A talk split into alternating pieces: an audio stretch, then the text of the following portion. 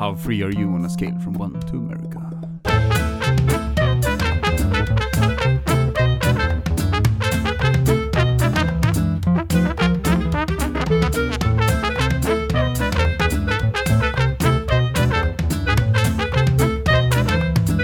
Välkomna till eh, världens sista podcast. Avsnitt två. Avsnitt det, två. Det sista avsnittet också. Ja, Ja. det är det sista avsnittet idag. Och idag känner vi för att prata om döden. Ja. ja. Jag heter Lukas. Jag heter Oskar. Jag heter Jenny. Och jag heter Sebastian. Och vi är den sista podcasten. För alltid, för Mm. evigt. Ja, och vi hade tänkt att prata om döden. Så därför tänkte jag ta en anekdot om någonting som dog. Det vill säga strömmen på mitt jobb idag. Det var jättejobbigt. För att jag kommer till jobbet. Allting är nice. Var jobbar du någonstans? Jag jobbar på ett LSS-boende för äldre med funktionsnedsättning. Eh, jag kommer till jobbet och det är några som har semester nu. Så eh, vi har matlådor till dem som vi värmer upp, för annars skickar vi med det till deras dagliga verksamhet. Så sitter jag där med en av cheferna och vi sitter och snackar och sen dör allt. Och vi bara, jaha, det här sög. Och vi tänkte inte på att klockan är typ halv tolv. Så vi bara, ja men det är lite jobbigt. Hon kollar upp på Vattenfall, bara, men det kommer vara klart vid typ två. Så vi bara, sen bara, just det, de ska ju ha mat. Det går inte att laga någon mat. Vi kan inte värma några matlådor. Jag hade också med mig matlådor, så jag bara, jaha, jag får gå hungrig. Men sen så var min chef snäll och köpte pizza till alla. Så det, På Så- sin lön eller för vilka pengar då liksom? för sina privata pengar tror jag. Det var så? Oj, oj, Fast jag tror att hon, eftersom hon är en av cheferna så tror jag att hon kan dra av det i företaget på något sätt, för hon sparade Ja. kvittot. Eh, så sensmoralen av historia att när någonting dör så byggs något annat upp. Som när strömmen dog så byggdes pizzan upp. Mm. Mm, det Det var fint. bra Du ska... Mycket vackert. Jenny, vad har du för anekdot om döden idag? Jag tänkte inte så mycket på anekdot, utan jag tänkte att det är så gemensamt att alla har vi ju någon gång tänkt på döden. Jag vet bara med mig själv att jag har tänkt på det så fruktansvärt mycket ända sedan jag blev en riktigt tänkande varelse Ja. liksom. Och eh, jag inser att alla ser ju så fruktansvärt olika på döden. Med, så här, med religion och allt vad som så här, har med det där att göra.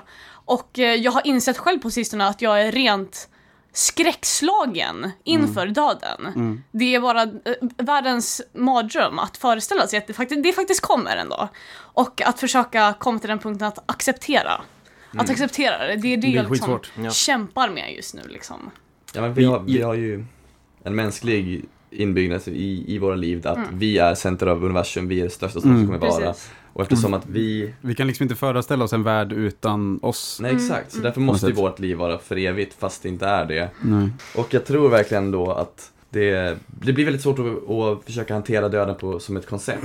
Eftersom att man, man tänker, ja men, jag, ja men jag förstår vad det är att dö, man är inte här längre liksom. Mm. Det är lättare att säga än att fatta. Eller Ja, men- det går Mm. att Det är, fatta min- alltså liksom. min syn av döden, skälet till att jag inte är rädd för döden, det är 100% nyfikenhet. Alltså i vissa lägen, inte ur en deprimerad synpunkt, men jag vill typ dö bara för att veta vad som händer efter döden. Vilket resulterar i att jag är inte så himla rädd för döden. Nej. Däremot är jag rädd att bli bortglömd, så därför måste jag göra något sjukt. Så något- det. Ja, Typ, typ så här skjuta en president eller någonting, Ja. sen kan jag dö. just det, direkt efter kanske också då. Ja, antagligen. Ja, En- en- en- cop. Ja, det var en vän, en vän till, mig, till, min, till min far som gick bort för några år sedan. Och det var väldigt dramatiskt. Det var, de hade en show och han, han tuppade, eller liksom, han tog några steg åt sidan och ramlade ihop och dog liksom där under slutnumret. Liksom. Det, det var, det var crosspulsådern som bara sprack. Liksom. Från Jävlar ingenstans. mig. Ja, visst. Ja, Eh, men han sa så här, man kan trösta sig att han sa så här, döden måste nog vara det häftigaste av allt. Och det är därför de har sparat det till sist. Ja men det var det jag tänkte säga. Det var ju tur för showen skulle att han dog i slutet. Om han hade dött i mitten. Hade Ja, ju fast, mm. the show must go on. Att han, att han dog i sig var nog tillräckligt traumatiskt Ja, för alla där. Men. Men, men just det här, jag, för min, min farfar gick ju bort i våras och då, Mm. då skrev min pappa, han skrev sms, för han var, då var inte jag, jag var ju på skolan då, eh, bodde inte hemma då. Men pappa var där varje dag på sjukhuset. Eh, och han skrev liksom fina sms-meddelanden som han skickade ut till alla anhöriga liksom. Och då var det, en av de grejerna han skrev var just att, som då hans vän eh, hade skrivit, eh, eller sagt, att döden är nog det häftigaste av allt. Och därför har de sparat det till sist. Och så att man kan liksom tänka att, som du säger, nyfikenheten inför liksom, Mm. vi har ingen aning förrän det händer. Och den kom, det är det coolaste av allt i hela livet. Mm. Är att få se vad som händer. Sen, Jag kan verkligen inte ens föreställa mig att det skulle kunna vara någonting som händer. Nej. Så jag tror verkligen att det är så här ultimat totalt slut. Mm. Det är därför det känns så jävla hemskt och eh, bara jag, jag vill inte komma dit för det, det är verkligen slut på allt då. Mm. Det är såhär, jag önskar ibland att jag kunde vara troende och tro på ett så Ja. efterliv och allt det där. För det skulle kännas som en väldigt bra tröst. Liksom. Men, det fortsätter, men det känns bra i alla fall. Men det är nog en Men stor det- tröst för religiösa, tänker jag. Jo, Alltså, jag tänker det med. Men jag är ver- jag kan inte, jag kan inte vara religiös. Nej, Jag-. Det, det finns liksom inte i mig. Så eh, för mig är det verkligen bara ett slut. Mm. Och det är det som är så obehagligt. Ja, det är att jätteobehagligt. tänka på. Jag har slagits av det också på sista tiden, ibland. Eh, ja, men just den där bara, men sen då? Och så Mm, bara, mm. uh, och så mår man jättedåligt i hela sig och så går man och äter glass eller något istället. Ja, precis. Fast en kontrapunkt till det där är ju att vi upplever, vi upplever många saker i våra liv. De är Mm. olika långa, man upplever giftermål, man upplever sitt första barn, man upplever sådana saker som de flesta får uppleva. Man upplever en barndom och så vidare. Men livet i sig är det absolut längsta du någonsin kommer uppleva. Ja, det är sant. Och det spelar ingen roll hur långt det blir. Även om du dör i 20 så var det det längsta du fick uppleva och då tycker jag ändå att döden är ganska meningslös. För den, den, ja, den är ju ultimat meningslös men den är så kort och så precis så att det är verkligen det tar inte så lång tid att dö. Ja men det är just det, alltså, eller, ång men ångesten folk har är ju oftast inte just för själva dödsögonblicket Nej. utan det är vad som händer sen. Och det kan ju vara absolut ingenting eller en evighet, så det kan ju vara längre än livet. Det finns de som tror på att det kan vara ett nytt liv, de har helt plötsligt levt två liv. Vad har hänt? Tänk, ja, de levt två liv. Ja, för då kan man också ställa sig frågan, men, men vad fanns innan vi fanns då? Jo, precis. Medvetanden som bara flöt runt Ja, nej, i men, nej, men liksom, för att världen fanns innan jag fanns. Mm. Det hände jättemycket grejer, men det är, jag har ju inte komplex över att jag inte, alltså vissa kanske säger så här, ja, ah, men jag är född i fel tid och 60-talet var så nice när alla rökte på, det är en grej liksom, men, men ändå så, jag, jag, men jag känner ju aldrig ångest över att liksom, att jag inte kan fatta att det fanns en värld innan mig. Mm. Det känns helt realistiskt på något sätt. Att jag inte, att jag plötsligt dök upp på något Mm. sätt. Ja, men, det, Men, men det är ju samma sak när man dör egentligen. Att världen fortsätter utan en precis som den gjorde innan en. men det är för att historia är ju någonting som är greppbart. Ja. Men framtiden är ju så lös. Mm. Jag tror det har mycket med det att göra. Oviss. Ja, verkligen. Det är ju ytterligare en sån här konstig sak som, som många försöker, försöker fundera sig ut. Vad fanns det innan Big Bang? Och då tror jag de människor, människor som säger så och som faktiskt tror på Big Bang och försöker komma på vad som fanns där innan. De har inte greppat tid, skapades ju också vid den punkten. De Tror greppat... man, det är en teori. Ja, ja, ja. ja. Mm. Det, Det finns många andra teorier också. Det finns inte bara den teorin, det finns många andra bra teorier vill du berätta om en av dem? Nej, jag bara säger det där för det är en public service-grej. Eller Det är en klassisk public, public, public service-grej, att man får inte säga ett företag. Så att om man säger ett företag i typ så här P3, så här bara äter Estrella chips. Men det finns såklart många andra bra chipsorter också. Ja, för att man inte ska göra reklam. fast jag tänker, du, du har ju ändå närat in dig på lite sådana där med så här, Throughout the Wormhole med Morgan Freeman-program och sånt. Ja, men alltså det, ja, men det är som de två... Eh, det finns två teorier om tid. Ena är att tid är någonting som människan har skapat. Alltså Mm. liksom att vi har definierat tid, att det inte är något eget, utan det bara Nej. finns för att människan har skapat. För, och för att vi har ett minne också. Ja. Många andra djur har, har ju inte minne på samma sätt. Mm. Eller det här liksom abstrakta formen av minnet liksom. Ja, men så då liksom så här, när människan dör, då kommer tid som det begreppet, eller det som man tror är tid, försvinna. Mm. Och då är det så här, ja, tiden tar slut, punkt. Mm. Det andra, det är dock intressantare, för det är att tiden är evig. Och om tiden är evig, då kommer allt som någonsin kan hända, kommer att hända. Murphys lag. Typ, jag vet inte vad det heter. Vad, vad, vad hette det sa du? Murphys lag, alltså allt som kan hända kommer ske. Alltså det är Ja. liksom allt som kan hända Det är som kommer en sån här hända. kaos... Ja, precis, eller någon kaosteori- Ordning i grejer. kaoset på något Ja. sätt. Ja, precis. Ja. Men typ så. här att, ja men den här, det här, det här stunden vi upplever nu har redan hänt typ tusen gånger och vi har haft olika kläder på oss, vi sitter det. på olika Just det, platser, just vi har varit lila, vi har varit någon annanstans, vi var hemma hos Oscar, i Oskars källare, det är liksom så här, allt som kan hända kommer Mm. att hända. Och det, det, är, det tycker jag är mer ogreppbart, Ja. liksom så här, exakt det här kan ha hänt typ så här, tusen gånger tidigare. Fast med små, små variationer. Alltså det blir ju... Ja, det blir ogrepp. Det är oräkneligt liksom. Ja, Men jag tror ändå i, i en sån, ett Mm, ogreppbar punkt där allt kan ha hänt så tror jag ändå att i, i en miljon miljards universum så finns det ingen plats på jorden där Trump blev vald till president. jo, det finns, det finns ett, uni, ett universum och då det. finns det tre, tre människor på jorden. Han dödar de två och blir president av Nej, jag, jorden. jag tror att det faktiskt finns ett sånt ställe och det kallas bibelbältet i USA. Just det. Här spelar ingen roll vem som vinner i presidentvalet. Trump will always be president. Ja, ja. För dem. Not my president. Ja. Men tillbaks till ämnet döden. Jag, jag, trodde, jag trodde förut på, på, på återfödelse. Jag, jag kallar mig själv för buddhist väldigt länge. Och jag tror ju på mycket av den filosofin fortfarande, men, men jag liksom kan inte kalla mig med gott samvete för buddhist, för att jag, jag, jag är inte praktiserande, jag, jag mediterar inte regelbundet eller liksom gör det där sådär.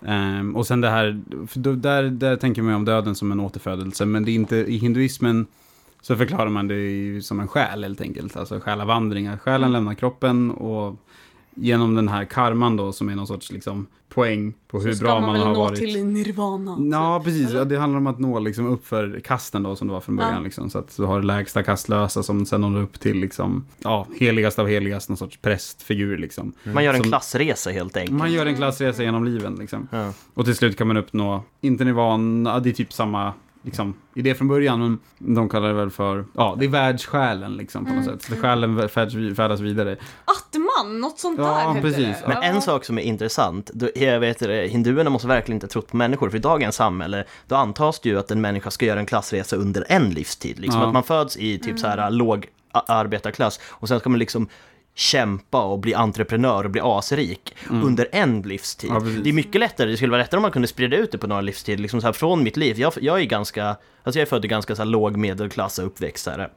halvdant liksom. Att den här känslan av att jag ska försöka göra en klassresa till överklassen, det kommer ta så himla lång tid. Det skulle vara skönt om jag bara kunde ta mig till, typ så här, till undre medelklass, sen stanna där och, så får, och, så, det. och sen får nästa liv bara ta Ja, över. precis. liksom, så här. Det är mycket lättare att jobba under fler livstider. Men handlar, inte, Mm. handlar det inte om det från början då? Att man ska bryta cy- cykeln? Alltså cykeln om att återfödas om och om igen. Jo. Det är väl i- buddhismen som har det? Ja, buddhismen, buddhismen alltså, sen är det ju så, alltså hinduismen är ju inte en religion kan vi börja med att säga. Buddhismen är ju tre religioner ungefär. Eh, Men hinduismen betyder ju typ re- religion på den indiska halvön. Så du har ju otroligt många olika gudar. Det, liksom, Ja. det finns ju inte ens samlat någonstans hur många olika gudar det finns. De är ju, Det är typ över 2000 tror jag någon Ja men de har ju, de har ju liksom, de är säkert 100 gudar per språk och det finns ju över 300 språk. Alltså det är liksom, så det, ja, det finns ju vissa som återkommer som Shiva och, och de där standard standardgudarna. Men, men så, att, så att det är väldigt flummigt Basic egentligen vad, vad är hinduismen, det går inte att snacka om. Men, men, men i regel så är det väl det, precis det här med själavandringen. Liksom. Men, men det här med att bryta, för då är, buddhismen förklarar ju tiden som en cykel. Och det är egentligen ganska logiskt. Och det som är skönt med buddhismen är att den motsäger sig egentligen inte vetenskapen. Utan den förklarar liksom utöver vetenskapen. Så att den, då, i, i- med det buddhistiska tankesättet så skulle man ju säga Big Bang är ju en omstart. Mm. Och det kommer igen. Mm. Och sen igen och igen. Så. Och det är liksom den största cykeln kanske. Och sen har vi liksom, vi har årstiderna, vi har allting som cirkulerar kring en sol eller en stjärna liksom. Och vi Mm. har galaxerna som cirkulerar kring varandra. Och du vet, det är egentligen ganska logiskt allt Ja, allting är cirklar. Allting är cirklar. Det är, och det är egentligen så här, och det är därför det är så skönt att, säga att man tror på det, för att det är svårt för folk att säga helt emot Mm. många av de där grejerna. Men, Allt men är ju cirklar. allt är cirklar, allt är cykler liksom. Och då menar man att livet också är en cykel Mm. som bara går runt, runt, runt. Men den krångliga biten är att man tror inte på själen. För Buddha menade då, enligt historierna, enligt legenderna, att själen var någon sorts liksom, mänsklig konstruktion som var grunden till vår eh, egoism, vår själviskhet, vår egocentrism. Alltså att, att för att jag, det är det som separerar människor från varandra i sina egna små världar helt enkelt. Mm. Så att om jag har en själ, då är jag också separat från dig Oskar till exempel. Mm. Och då kan jag säga att mitt liv handlar främst om mig. Men det, det är en tankesätt som handlar om att försöka eliminera det här starka jaget. Och då är själen en sorts symbol för det jaget, och den egoismen och egocentrismen. Och då är det väldigt flummigt sen att försöka förklara vad det egentligen är som föds om. För det enda som är liksom en människa från en annan, det är vårt medvetande. Och det föds om på något sätt. Mm. Liksom, och den energin. Och det finns jättemycket flummiga förklaringar för det här. Bland annat, eh, det är fint men flummigt. Bland annat så är det så här, om, om du har ett ljus som håller på att brinna ut. Och så tänder du ett nytt ljus med det ljuset. Då är det inte samma eld, det är inte samma låga och det är inte samma ljus. Men det är Mm. samma energi som förs vidare. Så det är, en, liksom, det är en förklaring och det går nog inte för mig att förklara tydligare utan att diskutera flera timmar och sen bara snubbla över mina egna ord. Ja, men för att glida, glida vidare in på det där då, vad, vad ty, tänker ni om, om en båt? Alltså om, om Ja. du har en båt som åker längs med en flod och stannar på många ställen och byter ut del för del för del, byter ut sitt ankare, byter ut sitt segel, byter ut masten, byter ut varenda planka, är det fortfarande samma båt? Just det. Och sen du kan fortsättningen också. Mm, det kan du gärna fortsätta på. Fortsättningen är då, eller det här med att åka ut med ån kanske inte, men fortsättningen på den här är ju också om du tar alla de gamla bitarna av den här båten och bygger en ny båt. Är det en ny båt eller en samma båt? Ja, just det, ja. Oh. Och, och det där används också i, även i buddhismen, den här, eller en liknande som, fast de pratar om en kärra tror jag, men det är samma princip liksom. B- Bara för att eliminera vår, vår stenhårda uppfattning av vad som är vad och vad som inte är vad liksom. Att Mm. Allt består av samma delar Men det är ju så, men det är så här intressant nu när man pratar om transhumanism. Okej. Det här är med liksom så här proteser och konstgjorda organ. Post, eller menar post, Nej, transhumanism Trans, heter... jag har hört posthumanism som är typ samma grej. Tror jag. Ja, men det tror jag, ja, men det är post, det är efter humanism, men det, jag tror att det är när just går det. några, några steg från där vi faktiskt är. ja, ja. Men liksom, när slutar en människa vara en människa? Mm. Liksom, man kan byta ut alla kroppsdelar mot proteser, byta ut alla Mm. organ typ, men när slutar man vara en människa? Liksom? Det blir lite samma grej. Men jag tror väl att att hela min mänsklighet sitter i hjärnan. Allt det som gör Ja, mig till mig sitter i mina minnen och det jag vet, min kunskap. Precis, och det är så enkelt mina att förklara. erfarenheter liksom. Mm. Allt det där, det som har gjort mig till den jag är pretty much. Och det är väl... Det Så när, så när man kan ta, ta den informationen och överföra den till en annan kropp, eller liksom om det skulle vara så att jag bytte ut del för del för Eller en del av mig. dator eller något. Liksom, Ja, men, för över en, till. mm, men ändå inte, för att det som händer med män, människan mest, vi, vi kan ju byta ut organ till viss del, vi kan byta ut kroppsdelar och så vidare. Kanske inte just för att vi ska leva för alltid, men det kanske skulle fungera så att i alla fall att jag, jag skulle kunna vara 80 år gammal och ha en väldigt ung kropp. Mm. Men, Sexy boy! men mina minnen och min hjärna och min, mitt kunnande och så här, min finmotorik och allt det, det kommer degraderas för att min hjärna inte klarar av mycket mer. Den, den, den liksom inte hänger på det sättet längre. Mm. Så att om man skulle kunna fixa det, Ja, fixa gärna. c- centralen här uppe och fixa hjärnan och allt det där, då tror jag ändå på att det kommer, kommer åka in i en ny tidsålder för människan där vi nästintill lever för alltid.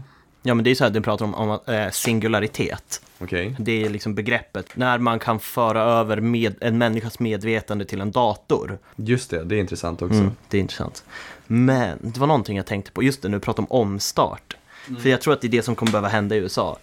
För att om Trump blir vald, det är så här, det är jättemånga, så här, militären har sagt typ så här, vi kommer inte lyda hans order. Jättemånga högt uppsatta Ja. CIA-agenter har bara, nej. Alltså det kommer ju verkligen bli så här, fel låt vann, vi gör ett nytt mello. Istället för att bara vara arg för att fel låt vann, så bara så här bara, okej.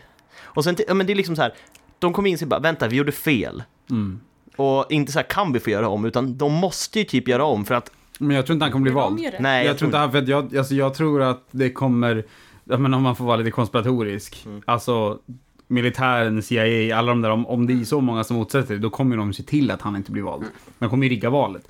För jag menar, det, den amerikanska samhället skulle ju inte klara den kollapsen, eller de skulle kanske vara bra egentligen, men... alltså men det de skulle skulle typ bli inte- inbördeskrig. Ja, och det, och det är ju inte bra visserligen, men en omstart kanske skulle vara positivt. Ja, jag vet inte, men, No- no- men alltså de skulle inte klara den, den interna kollapsen som det skulle innebära. Men hur många stater tror ni då skulle så här, secede from the Union, the American Union, för att Alltså, Trump styr Jag tror Trump, han, Texas kommer gå ur och Trump kommer bli president över Texas. ja! Det känns ju inte allt för långsökt egentligen. Där får han gärna vara, känner jag. Ja. Fast han tycker typ inte om sydstaterna, alltså han tycker ju om så här storstäder. Han är ju lite så här som SD, att han tycker också lantisar är lite dumma i huvudet, Ja. fast det är bara lantisar som röstar på honom. Precis.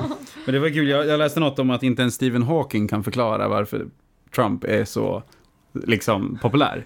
Så här, typ en av de mest, alltså det är erkänt liksom en av de mest intelligenta människorna i världen kan liksom inte genom matematiska formler Nej. förklara vad fuck hände där med Trump. Ska vi försöka då? Jag tror att det beror på att han är väldigt bra retoriker. Jag tror det beror på att Fast han är ju inte det. På att han, han får all medieuppmärksamhet. All. Vi Ja, men han är inte bra retoriker. Alltså om man lyssnar på vad han säger så är det inte, alltså han är ju aldrig välformulerad. Och han säger ju helt sjuka grejer. Ja, men han är ju det- den mest ostädade inom amerikansk politik. Ja, och han säger helt sjuka, sjuka grejer som för det mesta är lögn. Men det är, ingen som, det är ingen som kollar upp det ändå. Det är ingen som kollar upp det förutom Det är inte de som gillar honom i alla fall. Nej, exakt. Eller de som typ inte ens bryr sig. De som säger, "Nej, jag ska inte rösta vilket fall som helst, men den där Trump, han låter helt okej. Ja. Ja, men för grejen att alla, de, eller nu låter det här också sjukt konspiratoriskt, men liksom så här i USA har det alltid varit så att det finns, alltså alla presidenter har ju typ så här äh, varit i samma umgängeskrets, de har gått samma universitet, de har liksom varit i samma skolföreningar där de har typ så här äh, avrättat grisar och haft sex i blodet och typ så här sådana normala amerikanska presidentgrejer. Och nu kommer en kille som bevisar för övrigt att demokrati faktiskt fungerar, som inte är med i den här klubben och han får skitmycket stöd. Och jag tror att det är också det som många ty- tycker om, för att man ser på honom. Han, visst, han är en Wall Street guy, han är en rik miljonär, men han är, fort, han är inte en del av Illuminati typ. Så här. Det skulle man inte kunna säga om honom. Men han får inte vara med där. Nej. Han får ju verkligen inte vara med i Illuminati. Han skulle bara spoila allt. Eller hur? Världen, liksom. Han skulle bara säga någonting sexistiskt om sin egen dotter, det har ni hört va? Vad han har sagt om Ja, sin egen dotter. gud, fy Va, va? Nej, nej, nej, tell me, tell me. Ja, du berättar. Han, han, han gick ut och sa att min dotter är så snygg så hade inte jag varit hennes, vet, varit hennes pappa hade jag lätt legat med henne. Men det är ju så sjukt. Helt jävla sjukt. Men människan har ju inte, han har inte liksom alltså, Oh han har, alltså han har ju diagnoser. Liksom. Han har inte sunda värderingar, han har säkert... Nej. Diagnoser plural. Ja, ja, men Precis, precis. precis. Men det är så lätt att hata på honom, samtidigt måste man In, försöka det vill jag säga, förstå. diagnos är inte nödvändigtvis negativt, men han ju- har ju, saknar ju helt klart spärrar, det var Ja. det jag Ja. försökte poängtera. Mm. Men jag tror, jag, jag är fortfarande intresserad av det. Jag är fortfarande intresserad av, liksom, för jag tror han kommer vinna. Jag tror faktiskt han kommer vinna. Jag tror inte det kommer vara bra för USA. Nej, jag jag tror, tror att hela nej. Europa och resten av världen kommer frysa ut USA och det kanske behövs nu. De, de har varit med Nej, ett bra alltså, tag. nej, nej, nej. Alltså det behövs, det, alltså det amerikanska samhället skulle ju fullständigt kollapsa om president, eh, om, om, om han blev pres, om Trump blev president. Och det är ju inte bra, det är inte kul för någon liksom. Vi kan ju sitta här på vår sida av världen och bara hö, hö. Så går det när man bara käkar hamburgare. Alltså liksom, det, det, man kan ju skratta lite åt det men alltså det, det, är ju, det är ju världens största ekonomi kollapsar. När, om de kollapsar, då kollapsar världen med dem. Alltså Ja. kolla bara Brexit, det, var, det är liksom så här, alla börser har ju fallit. Ja. Liksom kaos. Det, det, har inte, ja, det har inte varit en liksom ordentlig Nej, börskrasch, men det har ändå... fallit ordentligt. Precis, liksom. det, det, det, Och det, det har ju skakat om liksom Och då, då världsekonomin. inte liksom så här det brittiska systemet fallit utan de bara gick ur EU. Mm. Men liksom om USA skulle falla och grejen att Trump har ju gått ut och sagt bara Alltså ifall jag blir president, då ska ni inte lita på USA längre som den här hjälpande handen, utan jag kommer vara ganska oberäknelig. Vill jag starta ett krig kommer jag starta ett krig. Och sen gått ut och sagt också att han vill ha bättre relation med Putin. Så det kommer bara resultera att Visst, Europa kanske fryser ut honom, men han och Putin kommer gå runt och vara psykopat bros och bara bomba där de tycker att de vill bomba och bara ha kul. Ja, alltså det värsta som skulle kunna hända är ju Putin och Trump i någon Nej, men- sorts unholy marriage liksom. Eller? Och då, alltså grejen är att då, USA kommer ju bomba exakt lika mycket som de alltid har bombat. Fast nu kommer de erkänna det. Det är det som kommer vara skillnaden. De kommer inte säga bara, vi ska liberata de här, fast vi, ö, utan nu ska Trump kommer komma in och bara, jag vill ha din olja. Så bara, nej du får inte min olja. Bara, skuddmissil, jag vill ha din olja. Bara, Okej, ta min olja. Så kommer det vara. Han kommer bara, fuck you, I'm Trump. Men alltså tänk, tänk Trump som president över USA, liksom i någon sorts konstig allians med Putin, i, när, när den här tiden... Kasta in lite Kim Jong-Un, för han, han tycker Ja. om Trump. Precis. Och sen, och, sen, och sen kommer vi till den här tiden som inte är allt för långt bort, då det faktiskt kommer finnas risk för resurskrig i världen. Stora resurskrig. Oljan kommer sina, folk kommer vilja kriga om den. Och då kommer vi ha så här, tre stormakter med kärnvapen. Ja. Med bara, tre "Let's psykopater som bara så här tillsammans, inte för att Kim Jong-Un är en psykopat, han är bara en söt liten tjockis som älskar Transformers. Han är bara nörd, han älskar basket, jag sympatiserar jättemycket med honom egentligen, fast han är en galen psykopat. Men jag tycker om honom ändå. Han är för söt, kolla in i hans ögon djupt. Det är som en You see nallebjörn. nothing. Nej, han är som en nallebjörn. nothing there. Ja, nej, jag ser inte fram emot den världen alltså. Då kanske lika bra att döden är ett slut. Ja, precis. Jag tänkte det också. Ja. Fan, fan vad hemskt Fan. ifall man typ så här Reinkarnera som Trumps dotter. Oh. Nej men, nej, men bara, nej, men bara reinkarneras så här, bara in, i typ så här, men bara ett annat land liksom så här. Man blir dödad i resurskriget, bara fan vad skönt, nu slipper jag det här, gå Ja. hungrig. Så blir man så här, i- man börjar bli reinkarnerad i Polen och bara, ah fan. Ja, Trump och Putin knackar på varsin dörr liksom. Man blir dödad igen, blir re- reinkarnerad i Estland och bara, men vad fan. Just Tror ni vi kommer att ha ett resurskrig? För det pratas ju om att eh, Östersjön kommer ju, den här lilla sundet, vad kallas det sundet som skiljer av Östersund? Nej, det är Öresund. sundet. Öresund, Öresund. De pratar om att Öresund ska stängas igen. För att det, blir, det skapas högre och högre sandbankar där. Och om det stängs igen där så kommer vattnet i Öst- Östersjön. Östersjön inte vara kvar. Utan det Nej. kommer bli en sand, liksom Det kommer fortfarande, ja, det kommer ju fortfarande vara, Lerbotten kanske det är visserligen. Men det kommer bli, det kommer bli en, en stor sjö.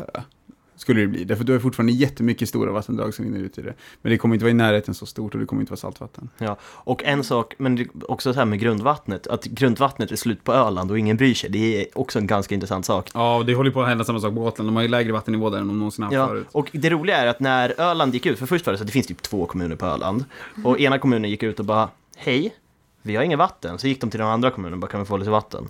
Så fick de lite vatten. Till slut tog vattnet slut där, så bara kan vi få hjälp? Då säger staten, nej men det är ett kommunalt problem, ni får lösa det. Yes, kommunpolitik när det funkar som bäst. Ja. Jag tycker om när det var vattenbrist i Kalifornien. Samtidigt som i Las Las Vegas Vegas, ja. så har de enorma fontäner. Ja. En stad som Mm, inte mm. har något eget vatten, in- inget Det är ju en, det är ju en fantasistad på Mm. något sätt.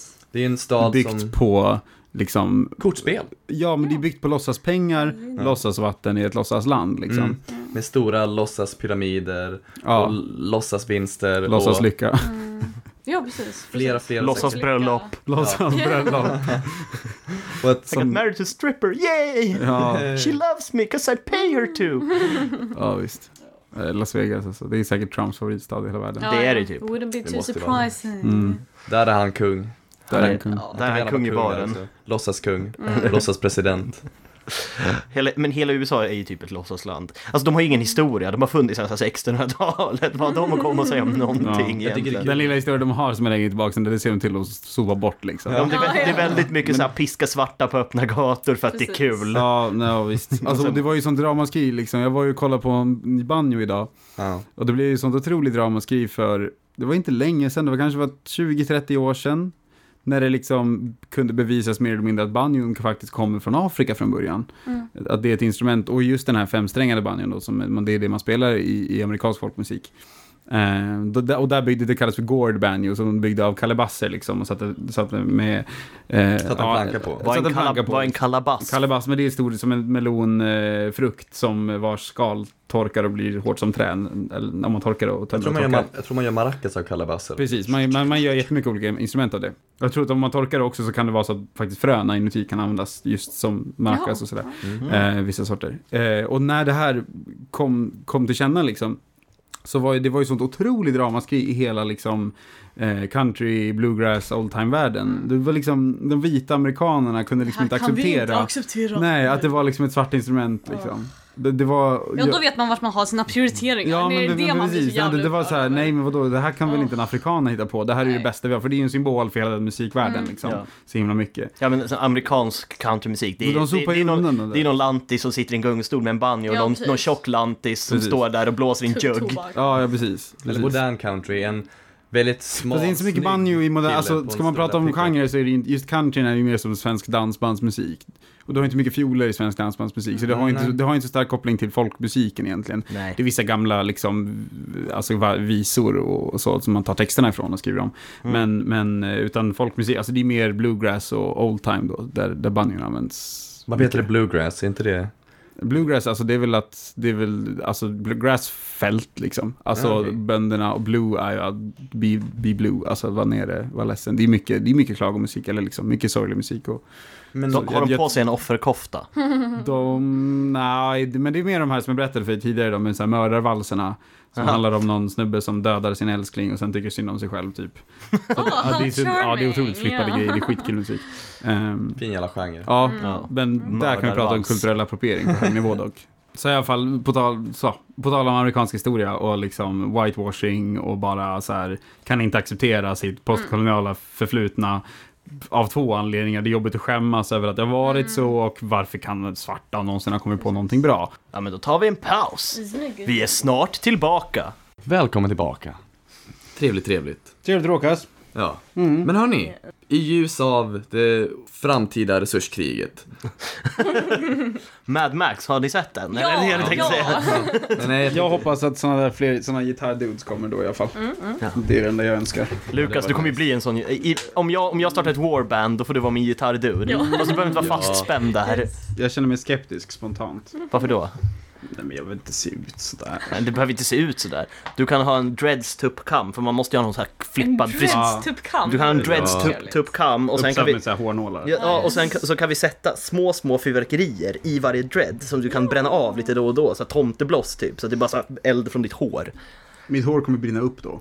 Nej. Förmodligen, men då är Det- ballt så länge det varar liksom innan just det Det är händer. det du vill uppnå tror jag From. Jag har för övrigt lovat From att eh, dagen jag ska ta bort mina dreads så att säga så kommer han få do the honors. Mm, jag, har redan, jag har redan tagit bort två personers dreads, Harrys och Jormas. Ja, de satte ju också upp Harrys, en bit av hans liksom lilla typ dread eller någonting på genomfarten. Typ såhär, Mm. tejpade upp den på väggen eller någonting. Man bara ja, sockra gross. minnen. Mm, kinda gross, ja. mums. I'm the dreads destroyer. Yeah. Annat Mm. bra smeknamn. Ja. nej alltså jag Som tänkte ju... Snitch-Oscar. Ja. Mm. Tja tja tja tja. Jag tänkte ju faktiskt mer på typ den här punkten som vi kommer nu där det blir billigare och billigare och billigare att skapa batterier för elbilar och för sånt och framgången av AI och så vidare som är så fantastisk inom the, the motor industry. Där vi kommer få den här punkten där det är billigare att ha en elbil än att ha en bensinbil och det är typ Det är inte om, det är typ om Nej. tre fyra år. Ja. Men en sak jag är så himla skeptisk mot, som jag har jag läst på om det, för det verkade som en cool grej först, det är det här med självkörande bilar. Och jag tänkte bara, fan vad nice med självkörande bilar. Jag tycker det låter läskigt. Det är en Men- cool grej. Nej, men sen insåg jag att man behöver fortfarande ha en nykter, vaken, eh, vad heter det, pilot. För de kallar det pilot av någon anledning, I don't know why, som sitter bakom ratten. Så det är exakt samma sak, det är lika obekvämt som att köra bil, bara att du inte behöver göra själva körandet. Det enda som håller en vaken när man kör bil, typ. Man måste vara vaken och nykter, man kan inte sitta och dricka öl med sina kompisar, man kan inte göra någonting. Utan du behöver fortfarande sitta där bakom ratten. Och det förstör ju allting, då kan man lika gärna köra biljäveln själv. Jag har hört på tal om att sitta nykter vid ratten. Eh, jag har hört talas om, eh, jag tror det var West Virginia i USA, ska tydligen vara liksom mardrömsdelstaten i alla fall när det kommer till körning. De har otroligt långa motorvägar i USA som är helt spikraka Ja. eh, med en hastighet. Och Så alla blir uttråkade och super sig fulla på vägen. Precis, och då är det så att en, en Jajamensan. kompis kompis helt enkelt som bor där. Eh, hon brukar göra så när hon kör på de här långa vägarna och får långtråkigt att hon, hon sätter ratten mellan, mellan knäna eh, och sätter på farthållare. Sen knäpper hon en bärs och sitter och spelar ukulele. Det är det- är rätt trevligt. Det, men det är hennes roadtrips liksom. Det är det som är framtiden då. Just det med med roadtrips, det som är kul är att kunna sitta och kolla ut genom fönstren. Kolla på det som svischar förbi och sen ska man ju någonstans också. Och det tror jag kommer bli en enorm grej där man typ Framförallt tror jag att folk som så här jobbar hemma kommer göra mycket, mycket mer jobb i bilen på väg till jobbet. Fast du måste ju fortfarande vara uppmärksam om något Ja. ska hända. Alltså det är det som är grejen som From säger. Alltså, att det, du tappar ju poängen med en automatiserad om du ändå måste sitta där och titta så att allt funkar hela tiden. Då blir det ju som att det jobba hela tiden, det är det som blunt. Alltså om man Det skulle ha typ en robotchaufför eller bara att bilen var helt självkörande, att man inte behövde någon chaufför överhuvudtaget, då skulle jag vara jätteför det. Då skulle jag bara, ja men då kan man liksom så här, då kan vi köra bil, för antagligen kommer det vara så då att man typ så här kan köra bilen själv, men om man inte vill så kan man bara göra att någon annan kör, alltså då, bilen kör sig själv. Typ sådana här grejer som, man kan köra till krogen, sen kan man dricka på krogen, och sen så kan man ställa in bilen på självkörning, åka hem. Och man behöver inte fylleköra. Det kommer ju krascha taxibolagen, men vem bryr sig egentligen? Faktiskt. Taxibolagen får ju börja, de kommer ju gå från att ha förare till att bara ha självkörande bilar som du bara hoppar in i en bil och blir åkt någonstans istället. Ja. Så jag tror att, att ha en egen bil kommer också bli jävligt irrelevant om ett tag. Jo. Ja. Vem fan bryr sig om man ändå bara kan ha en app som så här, kör fram en bil till dig vid en viss tidpunkt, kör dig dit du vill och sen hämtar upp dig. Fast, fast det skulle vi, ja. Det är som en taxi fast det skulle bli så jävla mycket billigare eftersom att alla bilar skulle ha de systemen. Och man behöver inte ha förare, man behöver inte ha löner till folk utan det finns jo, en men om taxi, pool om, ja. Med en ja, miljard absolut, bilar jag som åker runt. Ja, det är liksom. smart egentligen. Så behöver man inte bussar eller fuck bussar. Ja men då kommer det bli det som kallas för robotkommunism som är liksom så här en sci-fi framtidssyn som många vänsternördar har. Där liksom att, att jobben blir automatiserade, att nästan alla jobb blir automatiserade så att man får bara en medborgarlön. Så liksom allt jobb görs av robotar medan man bara lever och gör det man vill göra och får pengar. Men vi måste ju fan, det är det som är poängen också, att det där kommer bli en verklighet. Det där är inte någon jävla Mm. sci-fi längre. Det här är just med Just, jag tänker serviceyrken kommer nog fortfarande vara väldigt uppskattat. Alltså kommer nog fortfarande finnas Ja, men en alltså, det- men, tills- men tills- produktionsyrken och Ja, industriyrken Men tills vi når så här full AI så inte kommer bara, men inte bara de jobben heller. Tänk dig så här, det finns redan AI som kan skriva helt okej artiklar. Det finns böcker, som jag sett. Det finns ett, ett bolag som släpper böcker om väldigt obskyra ämnen som ingen vill skriva om. Då har de så att de har liksom en, en robot som går igenom hela, eller AI som går igenom hela nätver- nätet och hittar information, folk som har skrivit, och skriver om det i egna ord. Den bara liksom, den byter ut ord på det sättet och gör en bok om det som man sen kan köpa i e-boksformat på Amazon. Och sen finns det liksom, det finns robotar, alltså en stor bit Ja, av... och de böckerna var typ alltså ganska... Ja men det är så här obskyra, ja, men, ja exakt, men det är så här hur man klipper en chefer på det här, på den här mannens sätt att göra det på. Eller små saker som ingen egentligen bryr sig om, som inte ens, som inte någon skulle få för sig att skriva, en, spen- spendera liksom. Eller kanske någon någonsin skulle läsa den. Nej, jag Ja. hur? också, precis. Det är stora frågan. Men det är ju som den här uh, Twitter-AI som de gjorde. Har ni läst om den? Nej. Nej. Nej, men jag tror att det var Google, jag är inte säker. Killgissar igen. Eh, som gjorde en Twitter-bot. Som skulle, liksom, de skulle typ så här, ja, den skulle lära sig av tweets som skrev till den och lära sig att svara på den och liksom så här utvecklas. Och de var tvungen att ta bort den, för det tog inte lång tid innan den blev så här den skrev så här översexuella tweets till folk. Den blev rasist och Trump-voter typ. Alltså det gick så, här så him- alltså, det gick på typ så här 24 Ja, skulle timmar. liksom bara kopiera någon sorts medel... Alltså, Ja, men det är också saker som skrevs till den och saker som var liksom så här trendade och sånt. Ja, så den lärde sig språk helt enkelt från Twitter-användare som också visste om att den här grejen kommer lära sig vad jag säger. Ja, så folk bara skrev massa så här sexuella och rasistiska saker, så till slut så bara skrev den typ, ja men typ så här, typ så här uh, Trumps anal is my blessing och typ så här, sådana grejer, bara helt sjuka sjuka saker så de var tvungna att ta bort den. Ja, jag följer en sån, en sån automatiserad Tumblr-blogg som heter Wikibot eller något sånt där. Som bara lägger upp små stycken från olika Wikipedia-sidor. Så det kan vara typ så här, ja men bara små så här, eller ja, Wiki-advice eller något sånt där. Så typ så här, ja men kolla att vattnet kokar innan du lägger i pastan. Det kan vara ett inlägg liksom. Och typ sådana grejer som alltså så här, bara som råd som är helt tagna ur, ur, ur sin, sin, sin kontext. liksom. Det, är- det är flummigt men det är, det är härlig obskyr humor det gör. Men vet ni vem Simone Gertz är? Nej. Nej. Ingen aning. Gud, alla borde kolla upp henne på YouTube. She's the queen of bad robots. Det är hennes grej, alltså hon är typ inte ens ingenjör. Ja, Hon bara bygger, hennes grej är att hon bygger det. dåliga sett robotar. hennes, hennes, hennes, eh, hon har en robot som har två händer som ska applådera. Ja, Den, så kan man skruva upp det, man kan bestämma själv hur fort och hur hårt. Och så kan man skruva upp det så långt så händerna bara flyger av. det är som Det det är någon som har gjort den här ketchup-roboten. Ja. Det är någon sån där eh, som ska spruta ketchup på typ så här hotdogs. Gör det och sen fortsätter, kör liksom bara iväg och fortsätter över hela bordet. Ja, alltså gud, hon är fantastisk. Det bästa hon gjorde en hårklippningsrobot. Bara fuckade allt.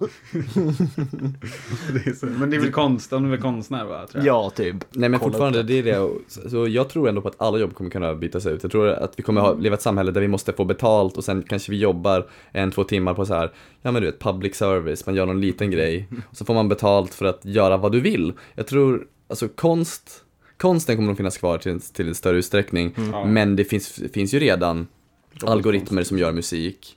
Det finns en, en fantastisk jävla grej, det finns en robot som har kollat på noter och lärt sig Bach och Mozart och lärt sig sådana saker och sen själv skrivit stycken som låter helt okej. Utöver liksom att den har I lärt sig, i den stilen ja.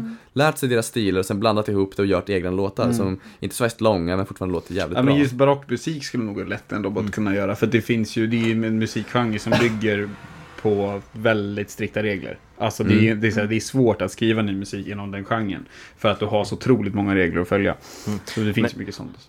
Om ni tycker sånt här är intressant så det var ett sommarprat i år med en kvinna som håller på väldigt mycket med det här och just for- forskar inom robotteknologi och liksom pratar om vart vi är på väg, vad vi kan uppnå, saker, varför, varför det är så himla, egentligen så himla svårt med typ så här små grejer som typ, hon pratar om att känna igen en stol. Att skriva dataprogram för att få en dator att känna igen en stol är så himla svårt. För liksom så här, vad är en stol? Ja, men det är någonting man sitter på. Man kan sitta på ett bord, en pall, på golvet, i en fåtölj. Och så måste man definiera en Fyra stol. ben och ryggstöd. Ja, ja, men det, ja, men det finns ju eh, stolar, Pallar, finns ju liksom- stolar med tre ben, stolar med armstöd, stolar utan arm. Alltså det är så brett liksom. Så antingen det, eller så får man bara mata, mata, mata in bilder. Och liksom försöka göra något basic. Som hon tog ett exempel, liksom så här, bara, ja, men jag kan mata in bilder på röda äpplen. Hur många röda äpplen som helst i olika former. Eh, och så kan jag få den här, den här påtänkta roboten att gå till kylskåpet. Den kan komma tillbaka med ett rött äpple, den kan också komma med en tomat. Men den kommer aldrig komma med ett grönt äpple. Nej.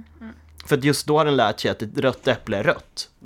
Och liksom så här, och då måste man ju, och det gör det så himla komplicerat. Ja, det blir jätteintressant. Plötsligt blir så här, Platons eh, liksom, eh, idéer om, om den här idévärlden.